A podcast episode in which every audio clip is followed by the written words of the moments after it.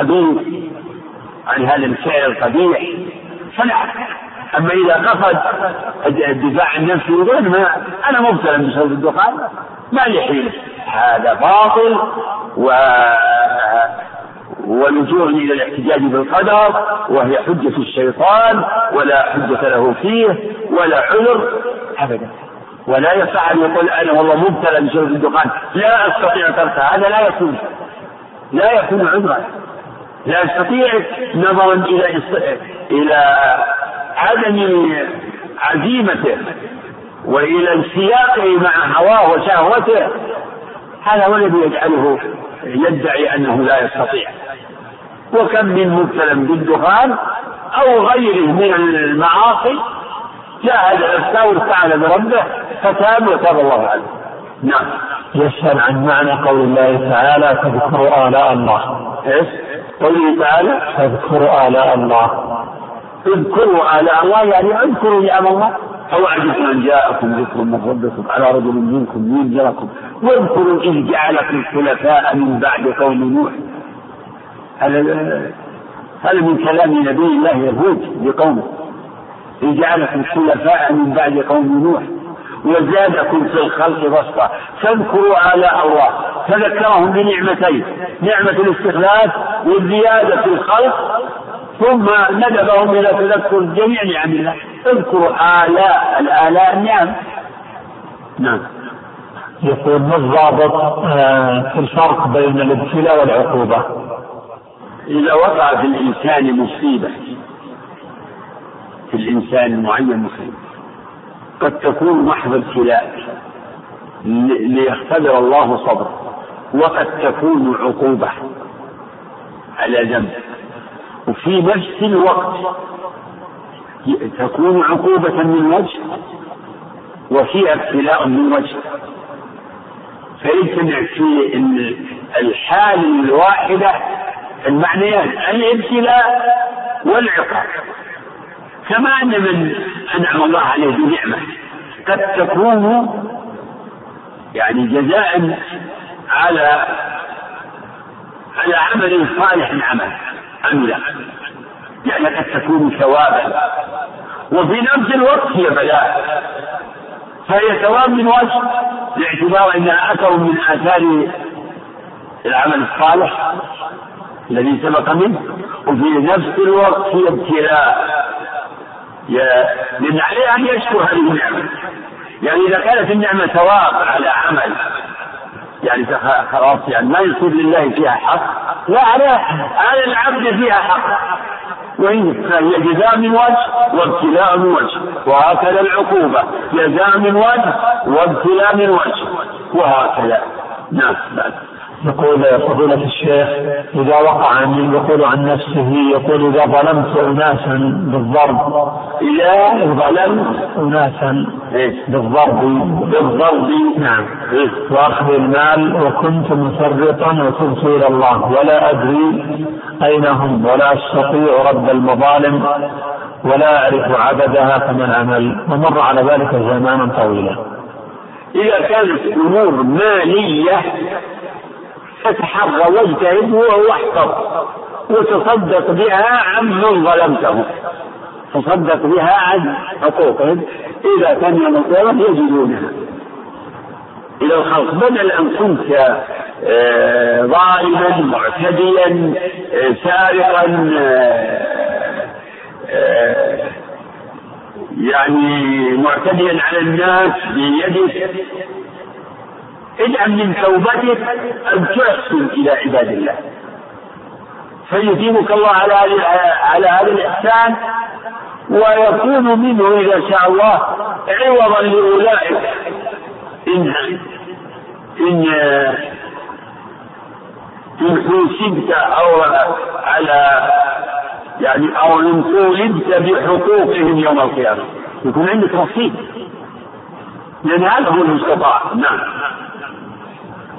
يقول فضيلة الشيخ كيف يقتص من الشاة القرنى للشاة من الشاة الجلحة ونعرف أن البهائم ليس عليهم حساب ولا عقاب.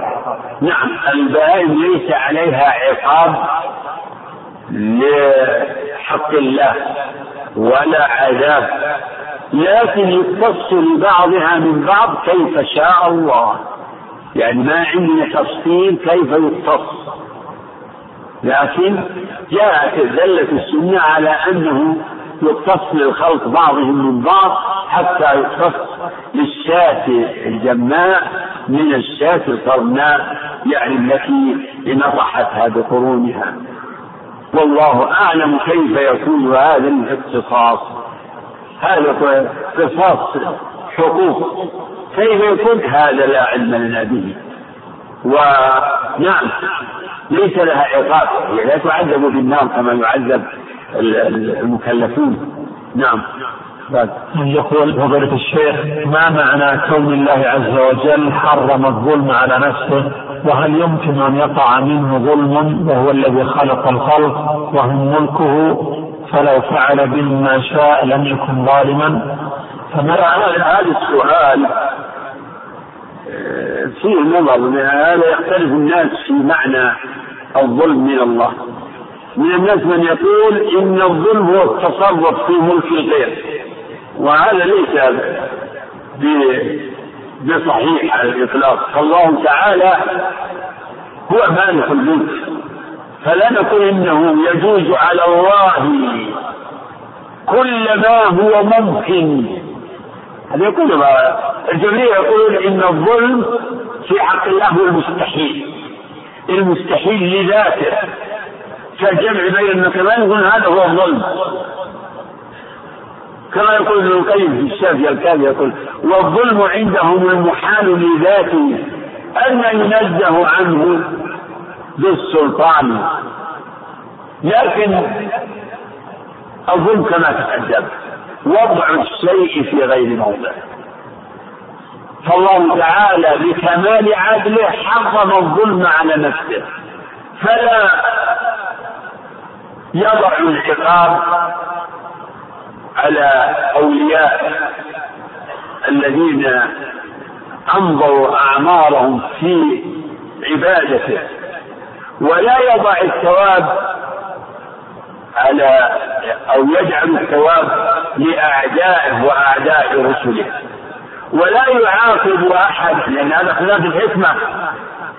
ولا يعاقب أحدا بذنب غيره. ولا يعاقب أحدا بغير ذنب. كل هذا مما حرمه الله عن نفسه. ولا تزر وازرة وزر أخرى. من الطوائف الغالقة الضالة من يقول إن كل ما هو ممكن فهو يجوز. نفس الذي ذكرت عنه. كل ما هو ممكن يجوز. يجوز يقول يجوز. شوف يجوز في يجوز على الله أن يجعل الأنبياء والصالحين يجوز أن يعذبهم منها ويجعله ويخلدهم في النار. على ممكن هو ممكن من حيث القدرة. من حيث القدرة ممكن؟ نعم. نعم ما دام ممكن فهو جائز على الله.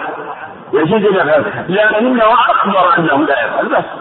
يجوز أن يجعل الكفر والطغاة وفرعون وجنوده يجعل يثيبهم ويجعلهم في الجنة. هذا ممكن من حيث القدرة.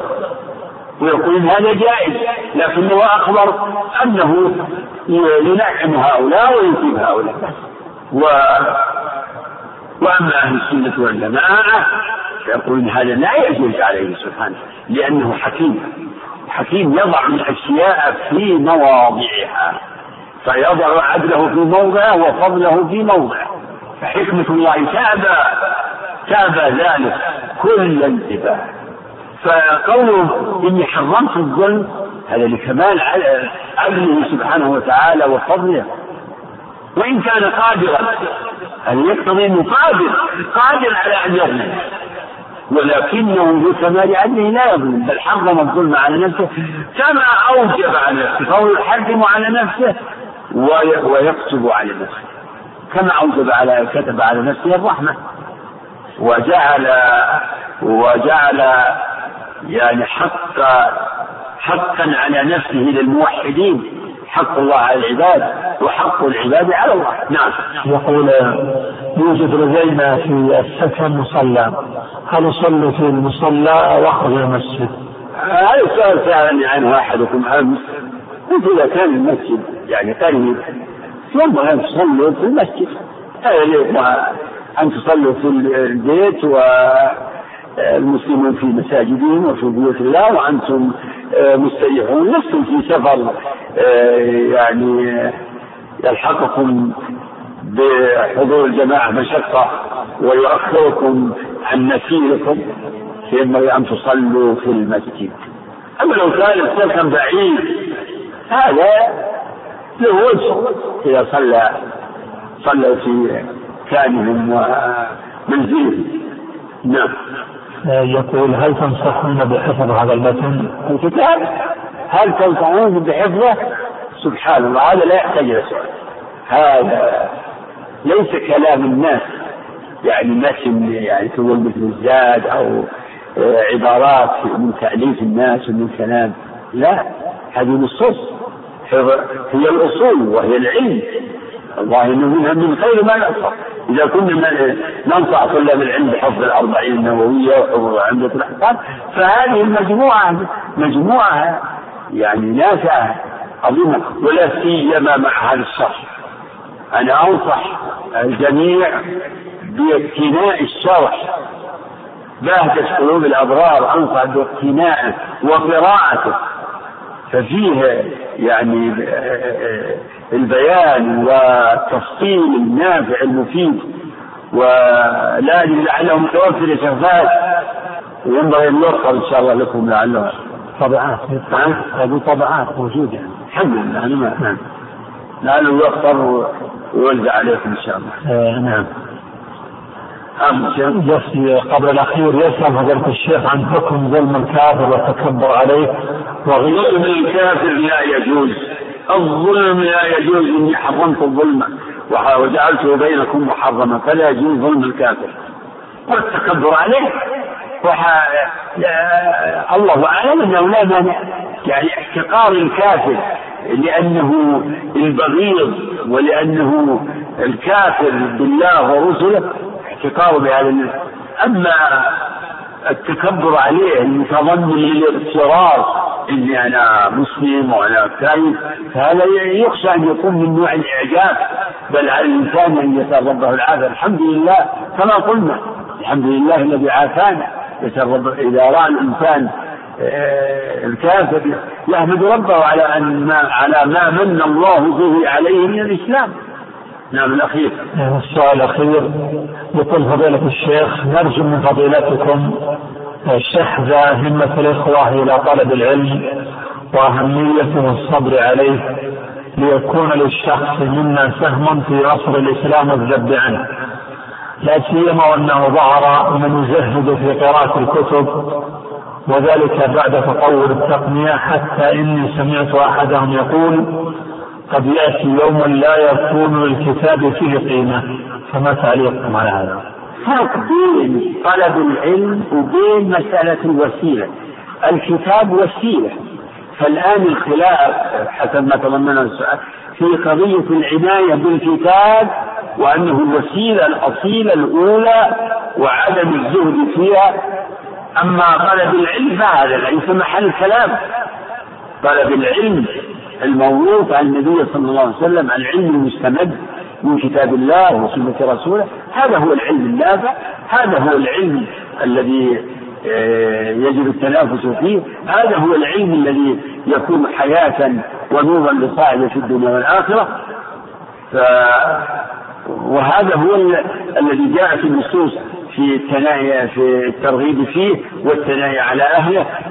العلم الشرعي أما قضية الوسائل فالأصل أن الوسيلة في تحصيل العلم هي الكتب التي ألفها أهل العلم المعتبرين الموثوقين ثم أيضا آه، الاستعانة على ذلك بالحضور آه، عند من تيسر من أهل العلم الموثوقين في علمهم. أو الموثوق بعلمهم ودينهم إلى آخره. وأما هذه الوسائل الأخيرة هي وسائل لا شك أنها ميسرة ومعينة ومقربة وفيها سرعة وتجددت الوسائل آه، في الطباعة ووسائل الآن الأسلطة والإنترنت والسيديات وسبحان الله العظيم. لكن هذه التي يخشى منها هو قضية الزهد في الحفظ. يعني في الحفظ اتكالا على إن الكتب على إن هذه الأمور ميسوره بس في يدك الجوال. حتى الجوال الآن أصبح كمبيوتر. توضع فيه مؤلفات وكتب وخلاص. كتب الحديث معي. يعني هذه الأحاديث يمكن يكون قال هي معي. الجوال. أي حديث أبغاها. بس أضغط شيء في هذا الجهاز واطلع فرق الحفظ الحفظ الحفظ. الحفظ هو هو العلم. ومن العيب التزييد في الحفظ. وكذلك الكتب. الكتب هي الأصل. يعني لما توثق هذه التسجيلات؟ لما توثق؟ إنما توثق من المصادر من أصولها من الكتب فلا يوجد في الكتب ثم أيضا التعويل على هذه الاجهزه يجعل الإنسان لا قوه له. لو لو فقد هذا الجهاز أصبح ما لا يستطيع أن يستخرج حديث ولا يستطيع أن يخرج مسألة من كتاب لأنه لا لم يتمرس. لم يتمرس في مراجعة المسائل في الكتب.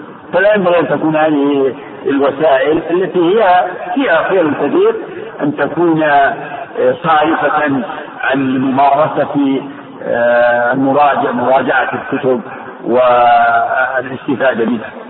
نسأل الله للجميع التوفيق. والإعانة بسم الله الرحمن الرحيم. الحمد لله رب العالمين والصلاة والسلام على رسول الله وعلى آله وأصحابه أجمعين. اللهم اغفر لنا ولشيخنا وللحاضرين والمستمعين برحمتك يا أرحم الراحمين. أما بعد قال المؤلف رحمه الله تعالى وعن عائشة رضي الله عنها قالت قال رسول الله صلى الله عليه وسلم عشر من الفطرة قص الشارب وإعفاء اللحية والسواك واستنشاق الماء.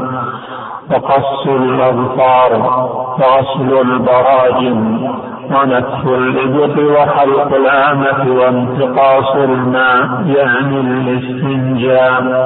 قال الراوي ونسيت العاشرة إلا أن تكون المضمضة. رواه مسلم. الحمد لله وصلى الله وسلم وبارك على عبده ورسوله وعلى آله وصحبه ومن اهتدى بهداه.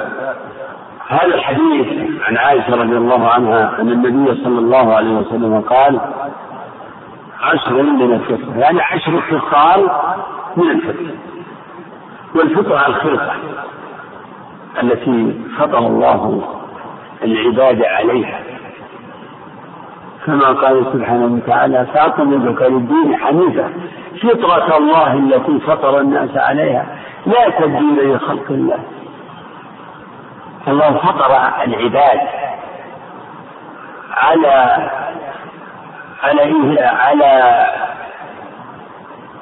التوحيد وإيثار الحق وإيثار الحسن على القبيح كما هو الصواب في مسألة التحسين والتقبيح وهو أن الحسن والقبح يعرفان بالعقل في الجملة.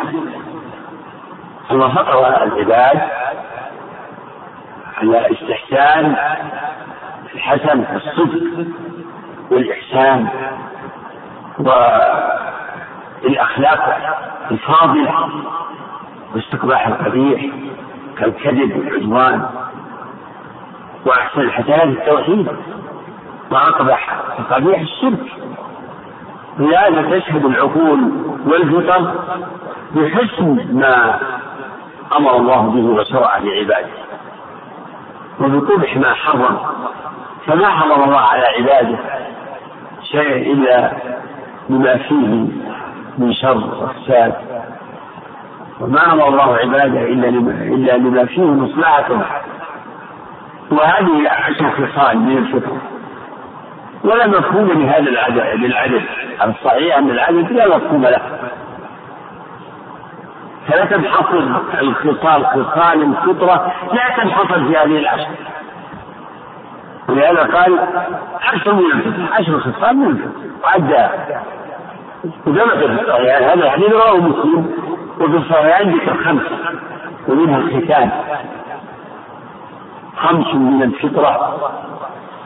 أو الفطرة خمس ختام واستعداد قص الشارب. و ونتف الإبط تقليل الأنصار. حديث العوف يشتمل على عشر. قص الشارب وإعفاء اللحية. وقص الأظفار والسواك وحلق العانة ونفس الإبط. المضمضة والاستنشاق المضمضة شك فيها الراوي ولكن دلت النصوص على مشروعية المضمضة وانتقاص الماء وهو الاستنجاء. وهذه الخصال يجمعها النظافة والجمال. كلها ترجع إلى النظافة وإلى الجمال. فالمضمضة والاستنشاق وقص الشارب ونفس الإبر يعني منها ما يظهر فيه. يعني جانب جانب النظافة.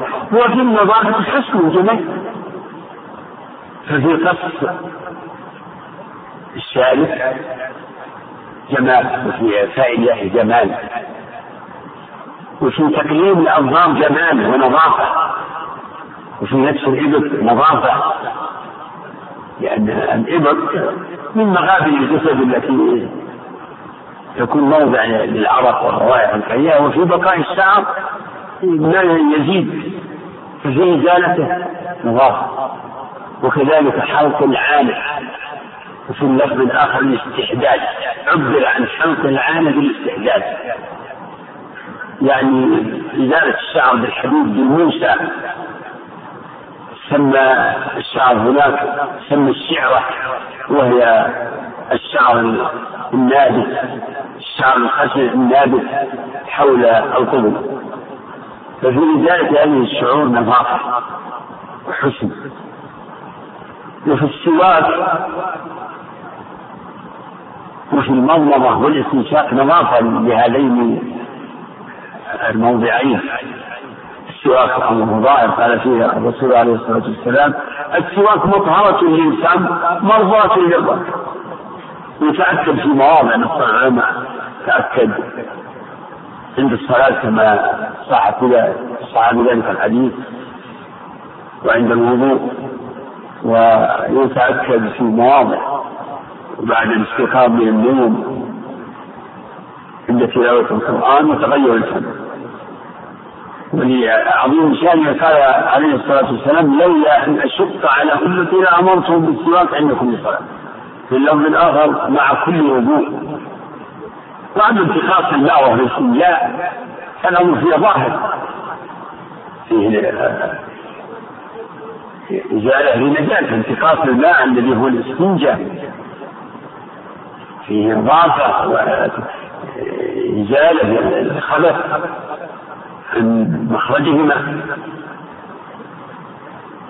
فالحاصل أن هذه الأمور يعني ورود الشريعة في من محاسن الشريعة؟ والشريعة جاءت بالمحاسن والفضائل والكمالات.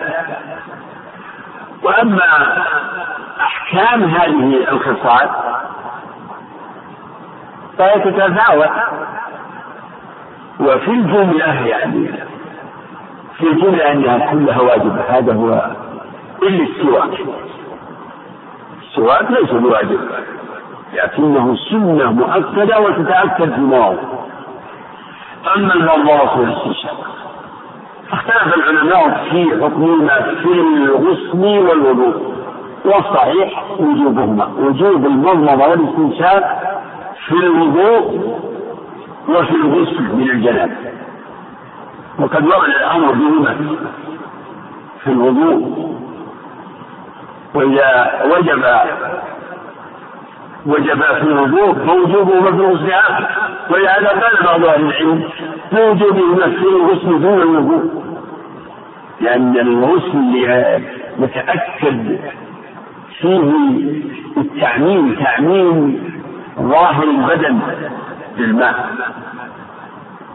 وأما قص الشارب وإعفاء الإعفاء فكذلك واجبان لورود النصوص الصحيحة الصريحة في الأمر بها كما ثبت في الصحيح أعف اللحى حف الشوارب وأعف اللحى.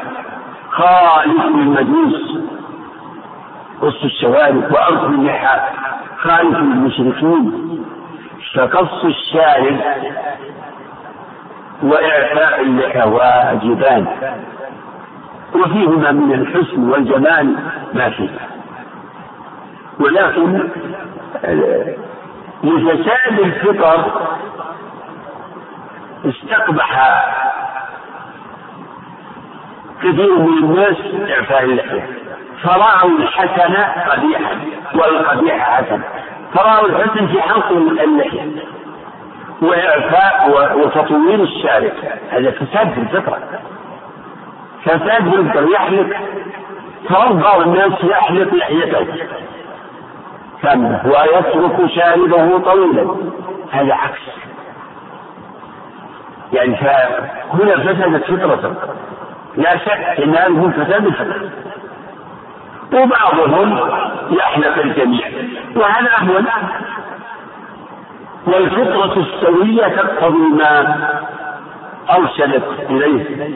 السنة النبوية من قص الشارب وإعفاء اللحية ولم يثبت عن النبي عليه الصلاة والسلام أنه كان يأخذ شيئا يأخذ من لحية. فالواجب إعفاء اللحية إطلاقها عدم التعرض لها.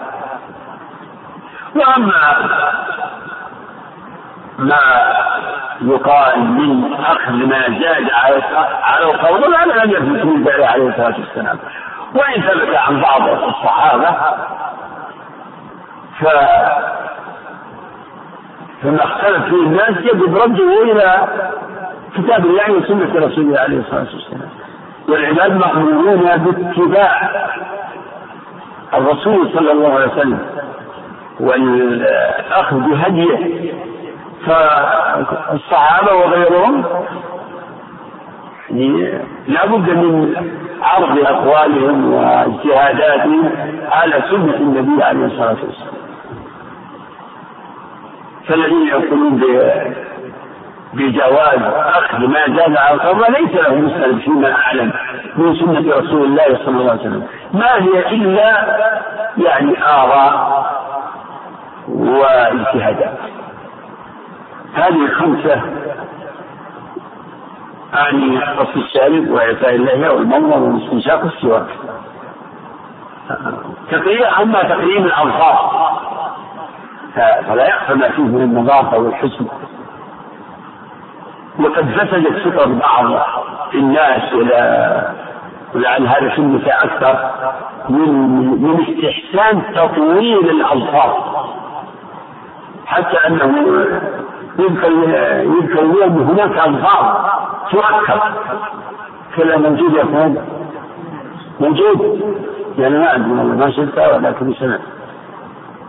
هذا فساد في الفطرة قبيح يعني كل يصبح الإنسان له شبه بالحيوانات التي يعني تتخذ الألفاظ سلاح لها. تدافع به تصطاد به. هذا من فساد الفطرة ومن جاء والحامل على هذا هو التشبه بالكفار. هذا هو الحامل في كثير من النساء في كثير في كثير من الأمور التي يعني صرنا يعجبن بها ويجرين وراء من يقيد له وأما وكذلك نفس الإبط وحلق العانة. فهذه الثلاثة كلها يعني فيها نظافة للبدن وقطع لأسباب الروائح الكريهة. وأما الحكم فالظاهر هو الوجوب لأنه ثبت في الصحيح في صحيح مسلم عن أنس أن النبي صلى الله عليه وسلم قال وقت لنا صلى الله عليه وسلم أو وقت لنا في قص الشارب وتقليم الأظفار ونفس الإبط وحلق العانة ألا نترك ذلك أكثر من أربعين يوما معنى هذا أنه ما يجوز تعدي أربعين. هذا يقتضي الوجوب ما يجوز أن يترك الإنسان هذه الشعور أكثر من أربعين. هذا حد آلة أحد أقصى. ولكن مع ذلك يمكن بعض الناس يتأكد عليها أن يبادر بعض الناس يمكن تنمو يكون النمو عنده نمو الأظفار والشعور سريع. فالمقصود الشرعي يقتضي أن يبادر وأن يحذر وأن يزيلها قبل ذلك. وأما الاستنجاء بالبول والغائط فهذا واجب بالاتفاق لأنه إزالة نجاسة. النجاسة يجب إزالة تجب إزالتها عن البدن. وهي من الفطرة لما في ذلك من النظافة والطهارة. وينبه الشيخ عبد الرحمن عندكم في الشرح بهجة قلوب الأبرار إلى أن الفطرة التي دلت عليها النصوص ووردت بلفظ الفطرة نوعان. ما به طهارة الباطن وهو التوحيد وما ينشأ عنه من أعمال القلوب وهي المذكورة في في الآية الكريمة. وهي مذكورة في الحديث الصحيح. كل مولود يولد على الفطرة وفي لفظ على هذه الملة. وفي الحديث الآخر الحديث القدسي خلقت عبادي حنفاء. فهذه تتضمن الطهارة الباطنة. وهذه الخصال ونحوها يتضمن الطهارة والنظافة والحسن الظاهر. فالفطرة إذا تتضمن طهارة الفطرة تتضمن طهارة الظاهر والباطن.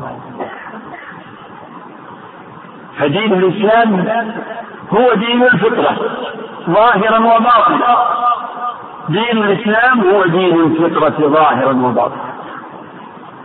يمكن أن يكون من الفطرة آه، لبس آه، الملابس النظيفة الحسنة من الفطرة ممكن لأن كما قلنا إن الفطرة ليست محصورة في هذه الأشياء يشهد لهذا قوله صلى الله عليه وسلم إن الله جميل يحب الجمال. يعني يمكن يعتبر من الفطرة من يكون يعني له شعر أن أن يصلحه ولا يتركه شعثا لأن هذا من من الحسن. من من الأمور التي تستحسنها الفطر والنفوس السوية. نعم تفضل. نعم غسل البراجم هل تسأل غسل البراجم البراجم فسرت بمغابن البدن ومنعطفات الجسم. بعضهم نص على العقد عقد الأصابع الأمام. ويدخل فيها منعطفات البدن مثل ما تحت الركبة منعطف هذه المنعطفات اللي يمكن أن يتركز فيها بعض الوسع. وغسل البراجم هذه غاية الأمر أن نقول إنه مستحب وليس بواجب لعدم وجود أو ورود ما يدل على غسلها. وغسلها يأتي تبعا لكن خصت بالذكر لأنها يمكن ينبو عنها يعني تحتاج إلى مزيد مزيد عناية. هذا ظاهر. وإلا لا غسلها يأتي في الوضوء يأتي يندرج غسل البراجم في الوضوء يندرج غسلها في الغسل. فكأن ذكر البراجم من مداد التخصيص بالذكر تأكيدا على العناية بها. العناية بها لأنها موضع آه، يمكن أنه أو يتركز فيها يعني العرق ويمكن يجف عليها شيء من الوسخ فتحتاج إلى مزيد نظافة ولهذا جاءت بعض الأحاديث باستعداد التخييل لأن ما بين الأصابع وسيما في بعض الأحوال وبعض الناس إيه، تكون الأصابع متطابقة خصوصا أصابع الرجلين منطبق بعضها ببعض. في يتأكد هنا تخليل الأصابع. نعم. وعن أبي سعيد الخدري رضي الله عنه قال قال رسول الله صلى الله عليه وسلم الماء طهور لا ينجسه شيء رواه أحمد والترمذي وأبو داود والنسائي. فات من انفصال الفطرة. آه، الختان كما جاء في الحديث الصحيح الآن.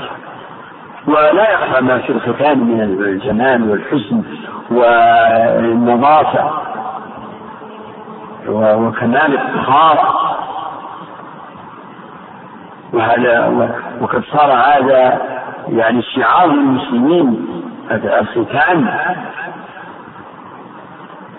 فهو سنة مؤكدة وقال كثير العلم بوجوبه بوجوب الختان في حق الرجال. فهو جاء يعني في نفس المسار يعني من جنس سائر الخصال من جهة ما فيه من الحسن وما فيه من الجمال. من النظافة وكمال الطهارة والتخلص لأن القربة قد يتبقى فيها شيء من البول ثم يخرج.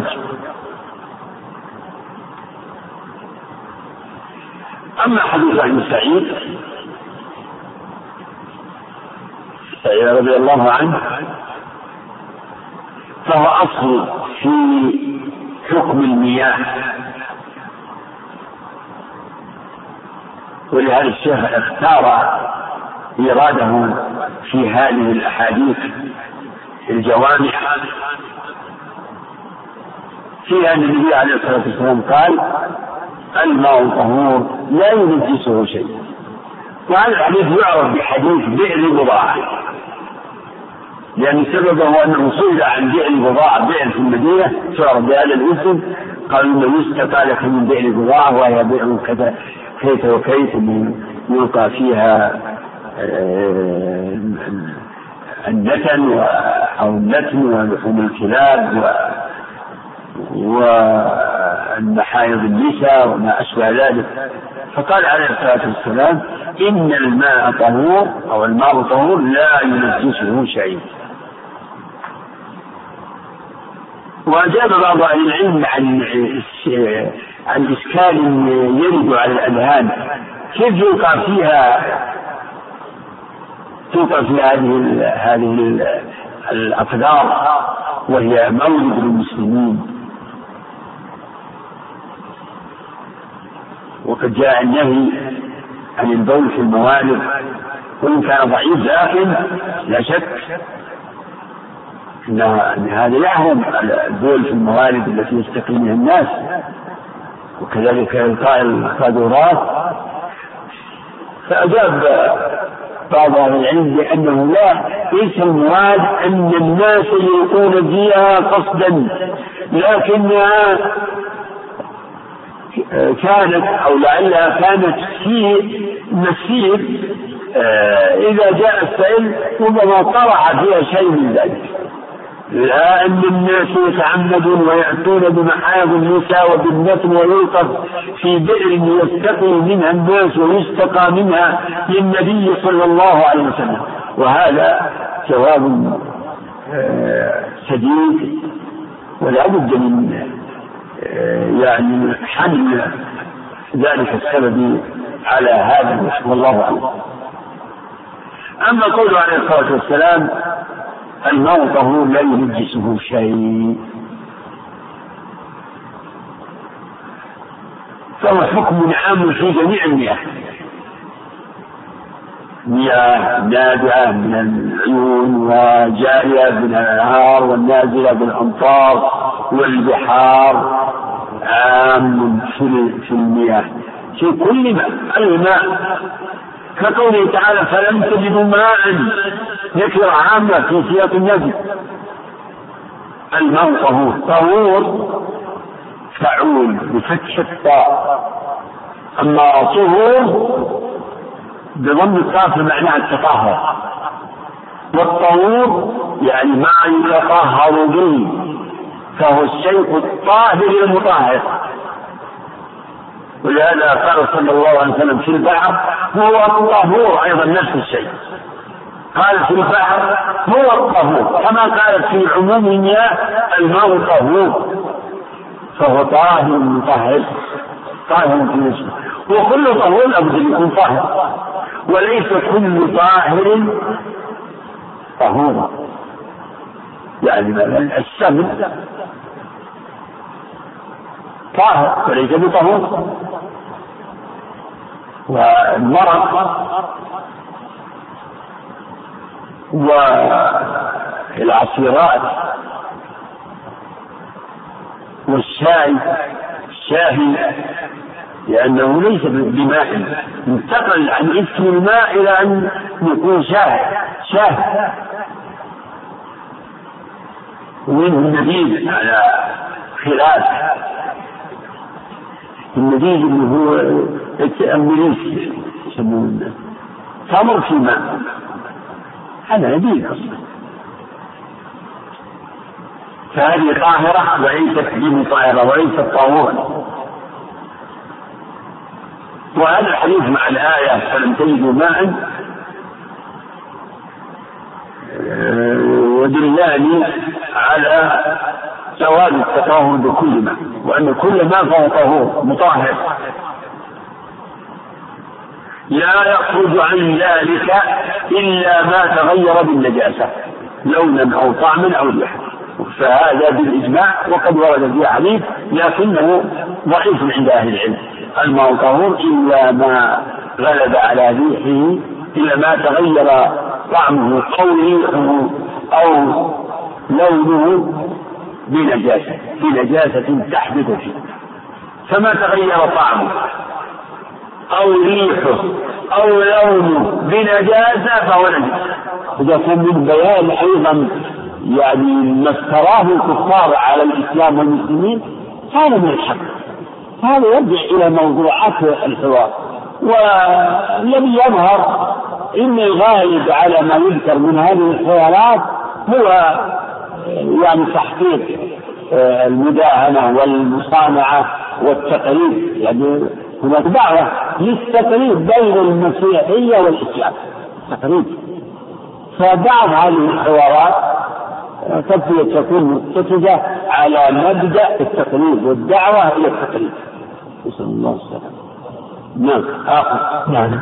سؤال أخير يقول فضيلة الشيخ نسمع بين الكلمة والأخرى عن تقلب الأحوال لدى البعض من الناس من هداية إلى الضلال أو بعض الضلال وقد يكون طالب علم هذا هذا المتقلب فما هو السبب الرئيس في مثل هذه الأحوال المزعجة؟ أرجو الإجابة على هذا السؤال الذي أتصور أنه يدور في قلب أكثر من شخص. لا إله إلا الله في الدعاء المأثور عن النبي صلى الله عليه وسلم لا مقلب القلوب ثبت قلبي على دينك فالقلب القلوب بين أصبعين من أصابع الرحمن. يقيمها إذا شاء ويزيغها إذا شاء. فالتقلب الذي يحصل للإنسان تارة يستقيم وتارة ينحرف أو يتحول من من استقامة الانصراف من بعيد أو قريب راجع إلى تصريف الله للقلوب فمن كان فيجد الدعاء بالهداية لمن ضل أو انحرف عن سبيل الله أو عن بعض سبيل الله يدعى له بالهداية نسأل الله أن يهدي بعض المسلمين. نسأله تعالى أن يثبتنا وإياكم. بالقول الثالث في الحياة الدنيا وفي الآخرة. نقول يا مقلب القلوب ثبت قلوبنا على دينك. والله أعلم. بسم الله الرحمن الرحيم. الحمد لله رب العالمين والصلاة والسلام على رسول الله وعلى آله وأصحابه أجمعين. أما بعد قال المؤلف رحمه الله تعالى وعن عبد الله بن عمر رضي الله عنهما قال قال رسول الله صلى الله عليه وسلم الظلم ظلمات يوم القيامة متفق عليه. الحمد لله صلى الله وسلم وبارك على عبده ورسوله وعلى آله وصحبه. ومن يهتدى بهداه عن ابن عمر رضي الله عنهما عن النبي صلى الله عليه وسلم قال الظلم ظلمات يوم القيامة. أصل معنى الظلم وضع الشيء في غير موضعه. وهو في الشرع اسم بكل ما خالف شرع الله. وهو ثلاثة أنواع. الظلم الذي هذه حاله ظلم في حق الله. ولا أقول ولا أقول إنه ظلم لله. فلا يقال إن العبد يظلم ربه بمعصيته أو بالشرك لكنه يظلم نفسه في حق في حق الله وما ظلمونه ولكن كانوا أنفسهم يظلمون. الظلم حق الله وهو الشرك وهو أظلم الظلم كما قال تعالى إن الشرك لظلم عظيم. ولما نزل قوله تعالى الذين آمنوا ولم يلبسوا إيمانهم بظلم أولئك لهم الأمن وهم مهتدون. شق ذلك على أصحاب رسول الله صلى الله عليه وسلم فقال أين لم يظلم نفسه؟ إنسان معرض لظلم نفسه يعني بالمعصية بالمعاصي بالذنوب. فبين لهم الرسول عليه الصلاة والسلام أن أنه ليس الظلم المانع المنافي للأمن والهدى. أي ظلم إنما المنافي كل المنافاة للأمن والهدى هو الشرك فالشرك هو الذي لا أمن معه ولا هدى. نعم. كل ظلم يفوت قدرا من الأمن والهدى. فمن نجا من الظلم كله فاز بالأمن والهدى. ومن نجا من السوء الأكبر فله أمن فله مطلق أمن ومطلق هدى. لأن لأن التوحيد يحصل به الدخول في الإسلام ويحصل به النجاة من الخلود في النار.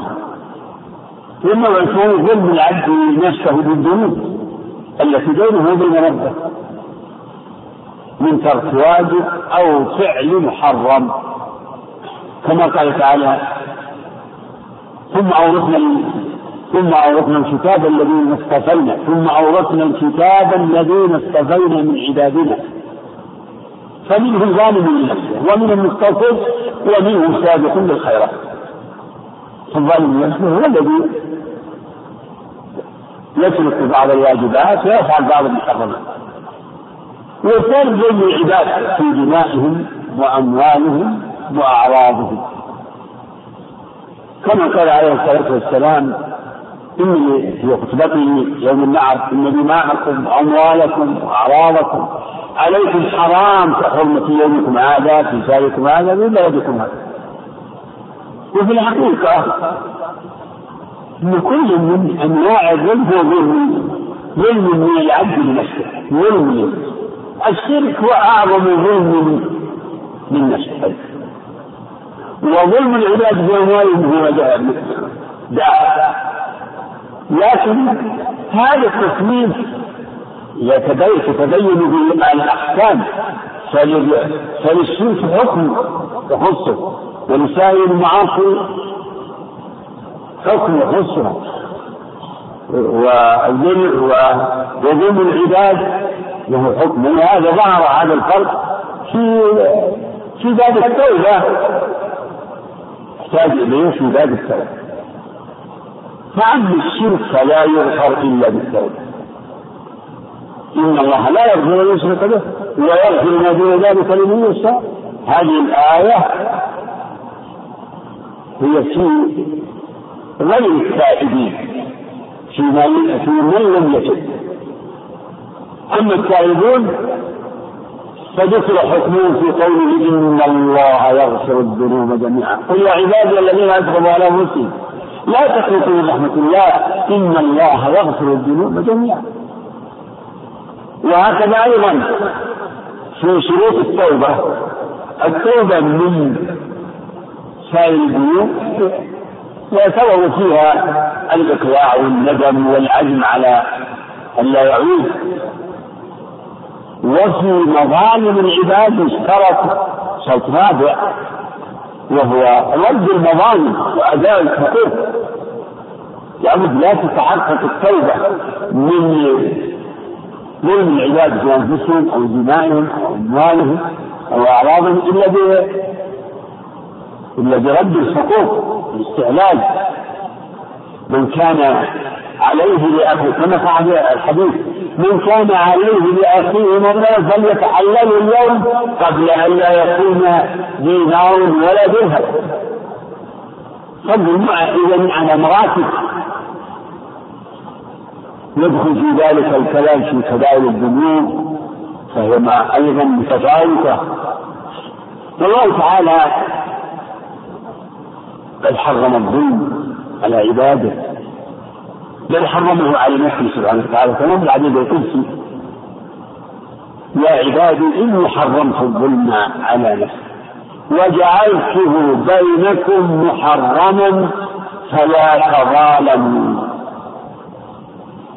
فكون فلا تظالموا يظهر إنه اخص أخص بالظلم الذي يكون بين العباد. ظلم العباد بعضهم لبعض. فلا تظالموا. وقد قال سبحانه وتعالى في في ما هو في الشرك وهو افتراء الكذب على الله. ومن أظلم ممن افترى على الله كذبا أو كذب بالآية. هذا أيضا بدرجة الشرك افتراء الكذب على الله. والتكذيب بآيات الله. هذا من أظلم الظلم ومن أظلم ممن افترى على الله.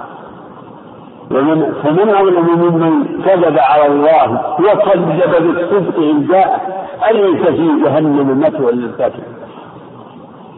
قال تعالى والكافرون هم الظالمون. هم الظالمون على الحقيقة. الظالمون الظلم الأكبر. قال تعالى ما للظالمين من حميم ولا شفيع يطاع. وفي هذا الحديث أشار النبي صلى الله عليه وسلم إلى سوء عاقبة الظلم. وذلك في قوله ظلمات يوم القيامة. الظلم ظلمات يوم القيامة. يعني أهله يكونون في ظلمات. أهل الظلم يكونون في ظلمات. بينما المؤمنون الموحدون أهل العدل والاستقامة في أنوارهم والمؤمنون والمؤمنات يوم ترى المؤمنين والمؤمنات يسعى نورهم بين أيديهم وبأيمانهم. كأهل التوحيد وأهل العدل ضد أهل الظلم وعاقبتهم كذلك.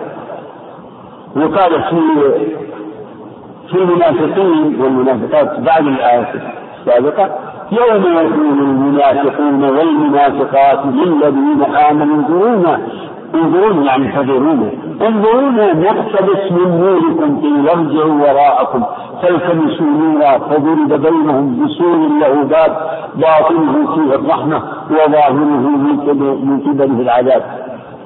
فالكافرون في هم في ظلمات كفر في الدنيا. وفي ظلمات ظلمهم في الآخرة. فالظلم ظلمات يوم القيامة. فلهذا عليه تعبير بالغ من من الظلم. وجزاء الله للعباد قائم على العدل. فهو سبحانه وتعالى أعدل العادلين. لا يظلم مثقال ذرة. فهو يجزي العاملين في الآخرة بعدله يجزي المؤمنين بفضله ويجزي أهل المعاصي وأهل الظلم بعدل لا يظلم مثقال ذرة وإن تك حسنة أي ضعيف. فبهذا يعلم أن هذا الحديث من جوامع الخير يتضمن التعبير من الظلم كله بأنواعه. من جميع الذنوب من ظلم العباد. ومشروع عند الناس. ويأتي تخصيصه أحيانا كما في الحديث الذي ذكرته. جعلت بينكم الناس في عرفهم يخصون الظلم بظلم بعضهم ببعض يكون هذا ظلم فلان ظلم فلانا وهذا حق الظلم الاعتداء على الناس في دمائهم واموالهم وأعراضهم. هو هو أحد أنواع الظلم. ومن خصوصية هذا الظلم أنه كذلك لا يغفر لا بد من استيفاء الحقوق. لا بد من استيفاء والاستيفاء يكون من يكون من الحسنات.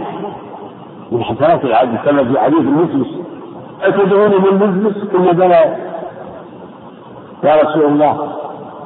هو من لا درهم له ولا دينار قال المفلس من يأتي يوم القيامة بصلاة وصيام وصدقة فيأتي وقد ضرب هذا وقد شتم هذا وأخذ مال هذا. فيعطى هذا من حسناته وهذا من حسناته. فينزل حسناته أخذ من سيئاته يعني المظلوم من سيئات المظلوم ثم طرح على الله. ثم طرح والآيات في كتاب الله في وعيد الظالمين وذم الظالمين ولعن الظالمين ألا لعنة الله على الظالمين. كثير. ولكن أكثرها في الظلم في حق الله. الشرك والكفر. لأنه الأول الظلم. الكافرون هم الظالمون. الظلم المطلق. وكما قال تعالى الذين آمنوا ولم يلبسوا إيمانهم بظلم. وجاء أيضا ظلم العباد في ذكره في في مثل قوله تعالى وجزاء سيئة سيئة مثله. فمن عفا وأصلح فأجره على الله. إنه لا يحب الظالمين. ولمن انتصر بعد ظلمه ولمن انتصر بعد ظلمه فأولئك ما عليهم من سبيل. إنما السبيل على الذين يظلمون الناس ويبغون في الأرض بغيره ومن أعظم ظلم الناس صدهم عن سبيل إذا كان يعني من ظلم الناس التعدي على حقوقهم وعلى خصوصياتهم في أنفسهم في أموالهم وفي أعراضهم فكذلك صدهم عن سبيل الله هو أعظم ظلم. وهذا ما يفعله الكفار. الكفار من من من أعمالهم الصد عن سبيل الله. سيعاقبهم الله بمزيد العذاب. كما قال تعالى الذين كفروا وصدوا عن سبيل الله. وصدوا عن سبيل الله. يعني صدوا غيرهم. صدوا في أنفسهم أعرضوا. وصدوا غيرهم يعني تركوهم وصدقوهم. الذين كفروا وصدوا عن سبيل الله زدناهم عذابا فوق العذاب بما كانوا يفسدون. نعم. وعن أبي هريرة رضي الله عنه قال قال رسول الله صلى الله عليه وسلم انظروا إلى من هو أسفل منكم ولا تنظروا إلى من هو فوقكم فهو أجدر أن لا تجدروا نعمة الله عليكم. متفق عليه. هذا الحديث عن أبي هريرة رضي الله عنه أن رسول الله صلى الله عليه وسلم قال انظروا إلى من هو أسفل منكم ولا تنظروا إلى من هو فوقكم. فهو أقدر الا تزدروا نعمة الله عليكم. نعمة الله هذه نعمة. عامة في جميع النعم. الا تزدروا نعم الله. كما قال تعالى وإن تعدوا نعمة الله تعدوا نعمة الله لا تحصوها. أن أن تعدوا نعم الله لا تحصوها. فهو أقدر أن لا تزدروا يعني أن لا تحتقروا. نعم الله التي أنعم بها عليكم فذلك من من كفر نعم الله ومن ومن البواعث على الكفر. من بواعث كفر النعمة والتقصير في شكرها. العبد. أن أن يذكر نعم الله. هذا مما أمر فيه الرسل فاذكروا آلاء الله اذكروا نعم الله. فمن دعوة الرسل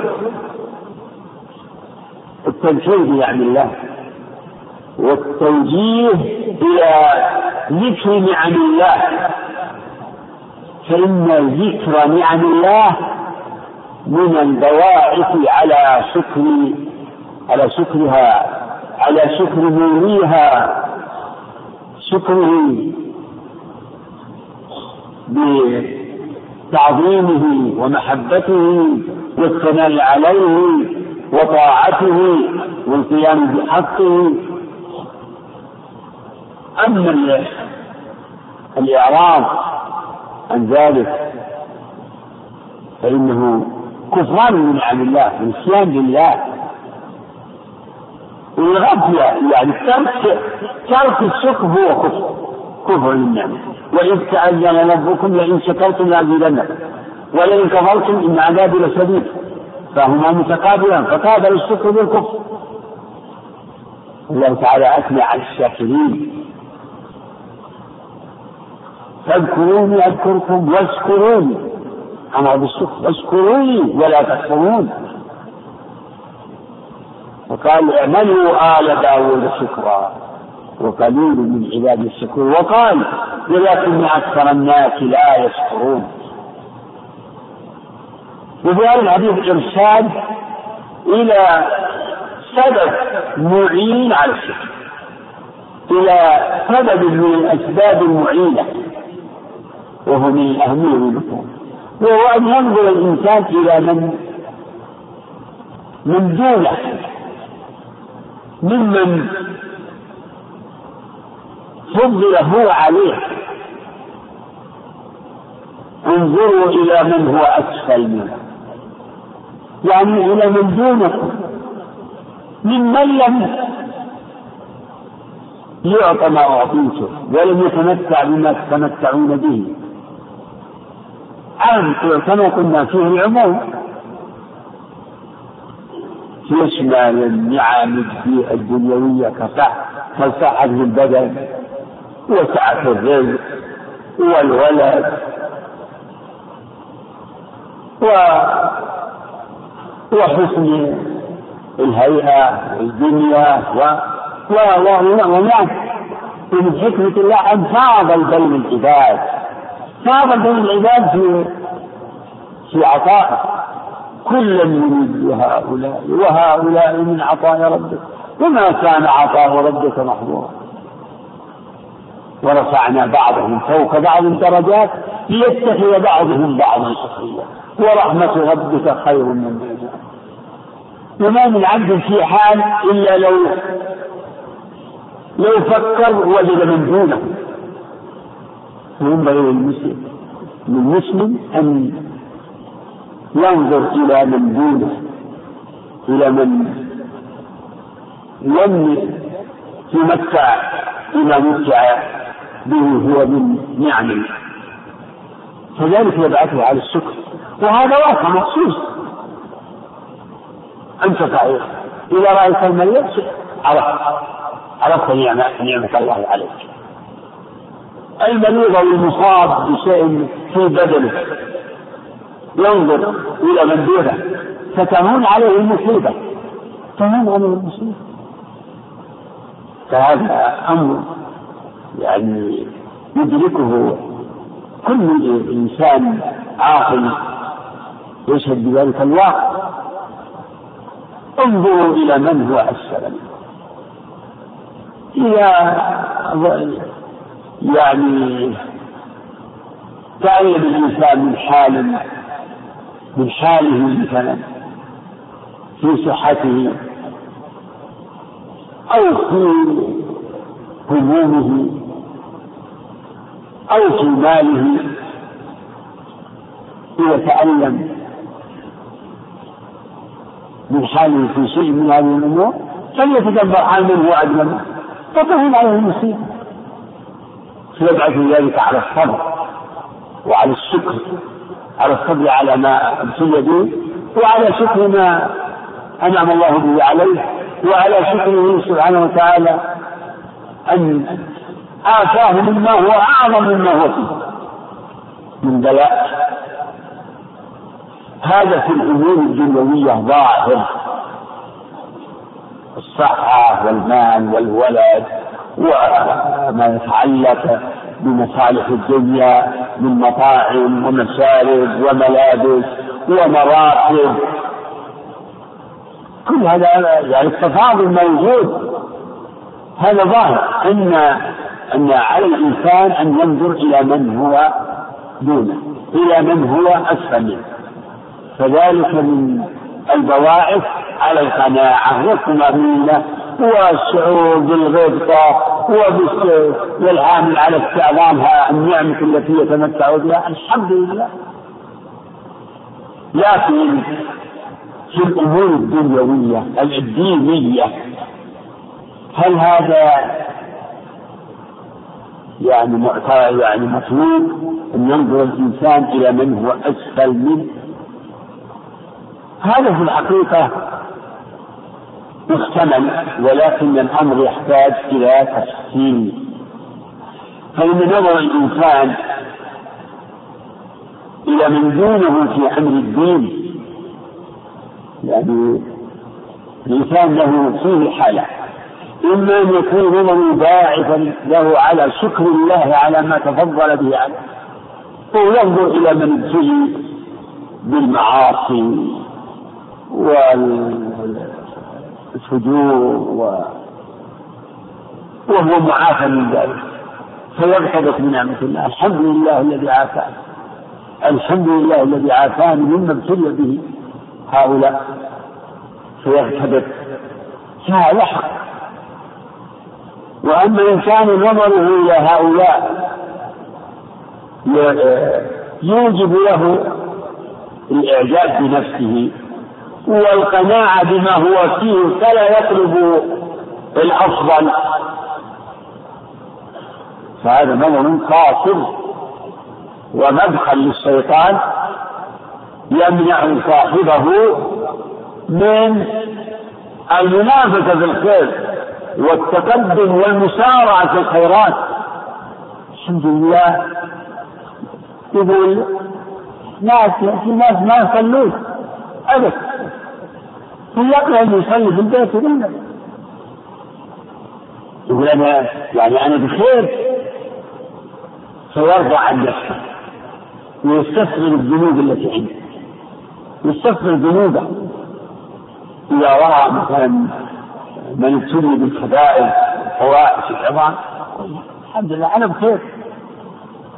فإذا كان نظره إلى من دونه يعني يوقفه في هذا الموقف. فهذا نظر سيء لأنه يوجب له آه، استصغار الذنوب التي عنده واستعظام العمل واستكثار عمله يستكثر عمله. فلا ينافس أهل التقدم وأهل السبق وأهل المسارعة بالخيرات ما يتقدم. فهنا عليه أن ينظر إلى من هو أسفل باعتبار وينظر إلى من فوقه باعتبار. أعني في أمور الدين في العلم والدين والاستقامة. ينظر إلى من هو فوقه لينافسه ليحتقر عمله.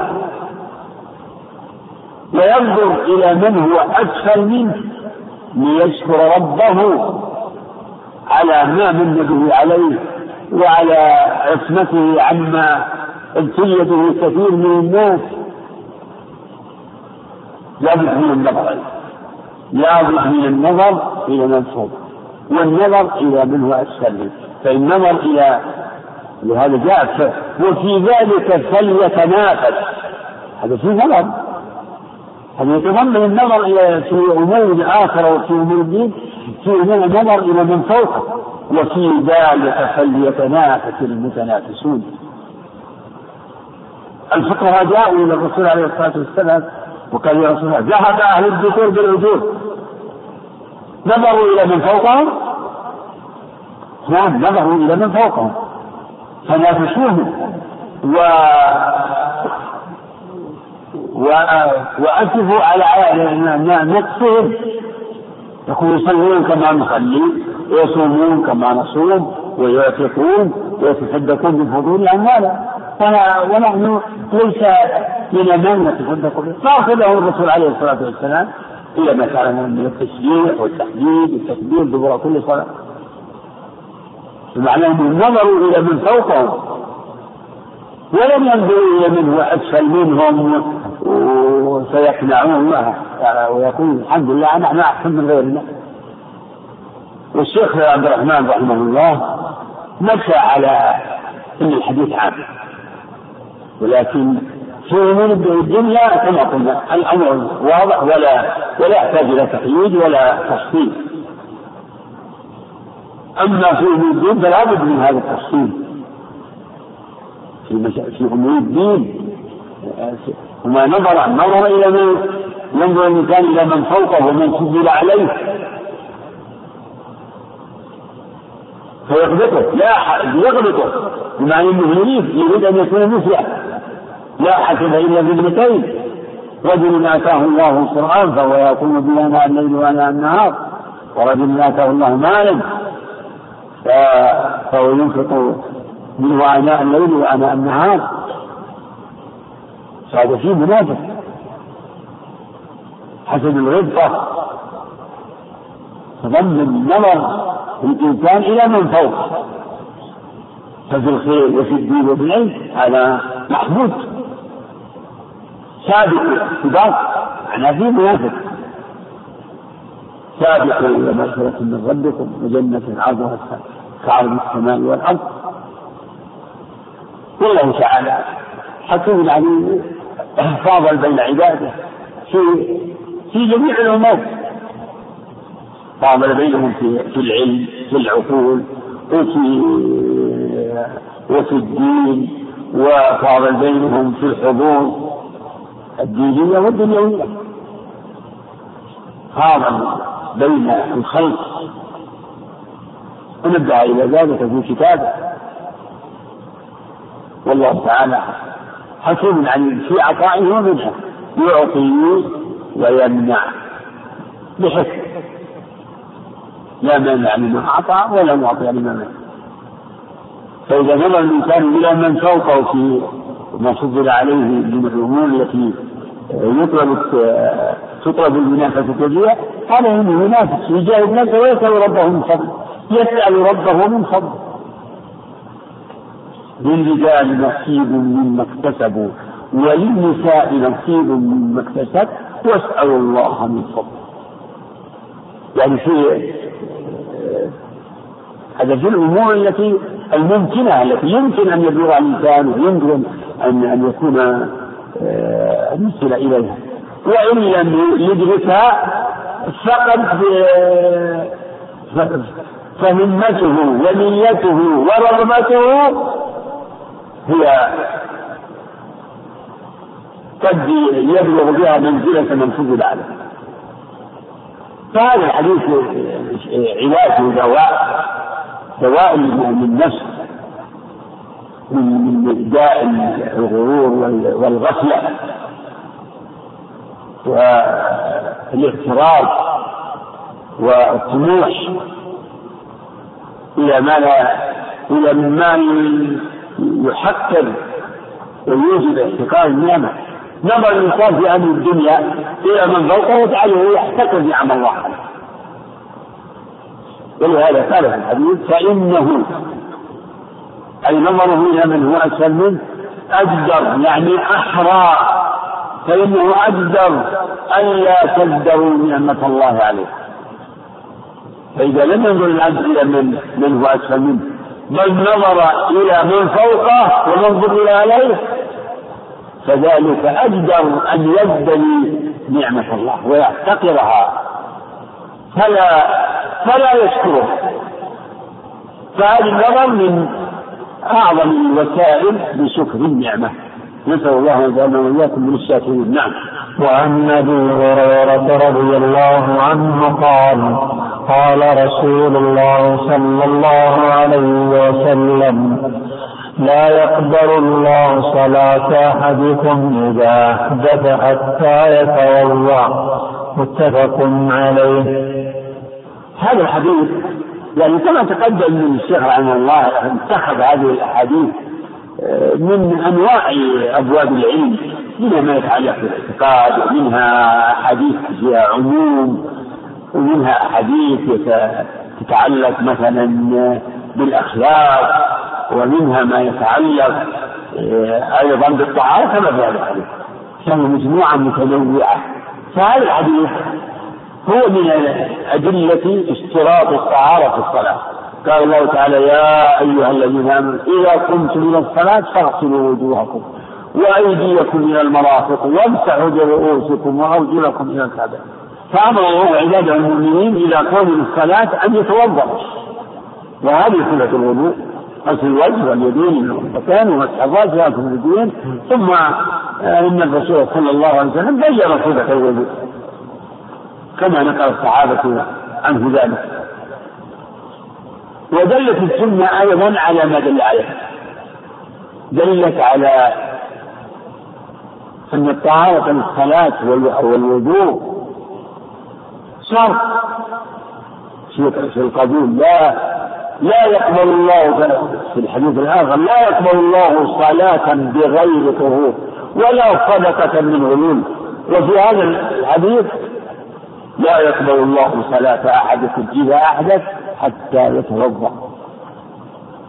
قيل لأبي هريرة ما الحدث؟ قال فسان أو ضراب مع النبي كان مثل به رضي الله عنه. يعني من نوع الذي يقع كثيرا. لا يقبل الله القبول يتضمن الرضا و والاعتبار في الشرع وموافقة الشرع مقبول وضد القبول الرد. إذا لا يقبل لا يقبله الله كان موجود غير مقبول. لا يقبل الله صلاة أحدكم إذا أحدث حتى يتوضأ. ففي هذا دليل على بطلان صلاة المحدث فمن صلى وهو محدث فصلاته باطلة مردودة غير مقبولة. و ولا مجزئة فلا إجزاء ولا ثواب. لا يثاب عليها ثواب الصلاة الصحيحة. ولماذا نقول ثواب الصلاة الصحيحة؟ لأن خصوصا من صلى ناسيا لحدثه. فصلاته غير صحيحة ولا مقبولة. قبول الصلاة الصحيحة لكنه يثاب على فعله لأنه لأن صلاة تضمنت ذكرا ودعاء وقراءة فمثال قد عمل لكن هذا العمل وين يفيد عليه وكلامنا في الناس. وإن أفيد عليه فإنه لا يجزي لأنه وقع على خلاف ما أمر. وإن كان المكلف في هذه الحال معذورا ولا إثم عليه لكن دلت السنة كما في هذا الحديث على أن عمله غير مقبول فلا هذا موضع الإجماع. أجمع العلماء على أن من صلى مقبلا وجب عليه القضاء لا بد أن يقبل. فنسيان الطهارة كنسيان الصلاة العليم من نام عن صلاة عن الصلاة فليصليها إذا ذكر. فمن نسي أن يصلي إحدى الصلوات الفجر أو الظهر العصر. نسي ثم ذكر وجب عليها أن يقضيها متى ذكر. هكذا إذا نسي شرطا من شروطه وأكثر ما يقع من ذلك هو الطهارة فمن صلى محدثا ناسيا حدثه ثم ذكر وجب عليها أن يعيد ويدخل في الحدث كل ما عده العلماء نافذا ونواقض الوضوء وتسمى موجبات الوضوء. منها ما هو متفق عليه ويجمع عليه ومنها ما هو مختلف فيه. فالبول الطائر والمزي خروج. يعني الخارج من الحديدين مما هو معتاد هذا ناقص بالاتفاق وما سوى ذلك ففيه خلاف كما بمس الفرج مس ومس المرأة بشهوة. وكذلك زوال العقل. فهذه الأمور يعني لا حكم الحدث باعتبار أنها مبطلة مبطلة للوضوء ناقضة للوضوء. فتدخل في الحدث حكما وإن كان الحدث أخف بالخارج من السبيلين بول الغاية الصبيح ونحو ذلك. وكيف حتى يتوضأ عليه يختص بالحدث الأصغر؟ أما الحدث الأكبر وهي جنابة الطهارة منها بالغسل بنص القرآن كما قال سبحانه وتعالى وإن كنتم جنبا فاطهروا وقال ولا جنبا إلا عابر سبيل حتى تغتسلوا وهذا كله مجمع عليه في العلم. فنفي إذا نفي القبول يتضمن عدم الإجزاء في هذا الحديث. بخلاف ما ورد في أمور ورد فيها نفي القبول مثل من أتى كائنا فسأله ولم تقبل له الصلاة أربعين يوما فنفي القبول هناك هي فيه أنه يتضمن عدم الثواب. يعني الرد بعدم الثواب لا بعدم الإجزاء. بمعنى أنه لا يؤمر بقضاء تلك الصلوات لكنه يحرم ثوابها. فالمقصود أن هذا الحديث قد تضمن شرطا من آكد شروط الصلاة. الصلاة سواء كانت فرضا أو نفلا. عنه. لا يقبل الله صلاة أحد سواء كانت فريضة أو لا. وكل حتى يتوضأ هذا مقيد بما فيها وجد الماء قدر الإنسان عن استعماله. أما من لم يجد الماء أو لم يقدر على استعماله فالله قد بين حكم ذلك في نفس آية الوضوء. حيث قال أو جاء منكم الغائط أو لامستم النساء فلم تجدوا ماء فتيمموا صعيدا طيبا. وجاء النبي عليه الصلاة والسلام أنه قال الصعيد وضوء المسلم وإن لم يجد الماء عشر سنين. وقال للذي رآه معتزلا لم يصلي معهم. ما منعك أن تصلي معنا؟ قال أجنبت يا رسول الله ولا ماء. أصابتني جنابة ولا ماء. فقال عليك بالصعيد فإنه يكفي. إذا فيؤخذ من المجموع أنه أن قوله عليه الصلاة والسلام لا يقبل الله صلاة أحدكم إذا أحدث حتى يتوضأ يعني أو يتيمم إذا لم يجد ماء أو لم يستطع استعمال فالتيمم قائم مقام الوجود ومقام الغسل عند عدم الماء أو عند العجز عن استعماله نعم إلى هنا يا شيخ. بارك الله فيك. فضيلة الشيخ يقول يسأل عن المقولة السائدة بين الناس أو عند كثير من الناس أنه يقول أنا مبتلى بشرب الدخان. يقول مع أن الأعمال هنا ليست حتمية عليه.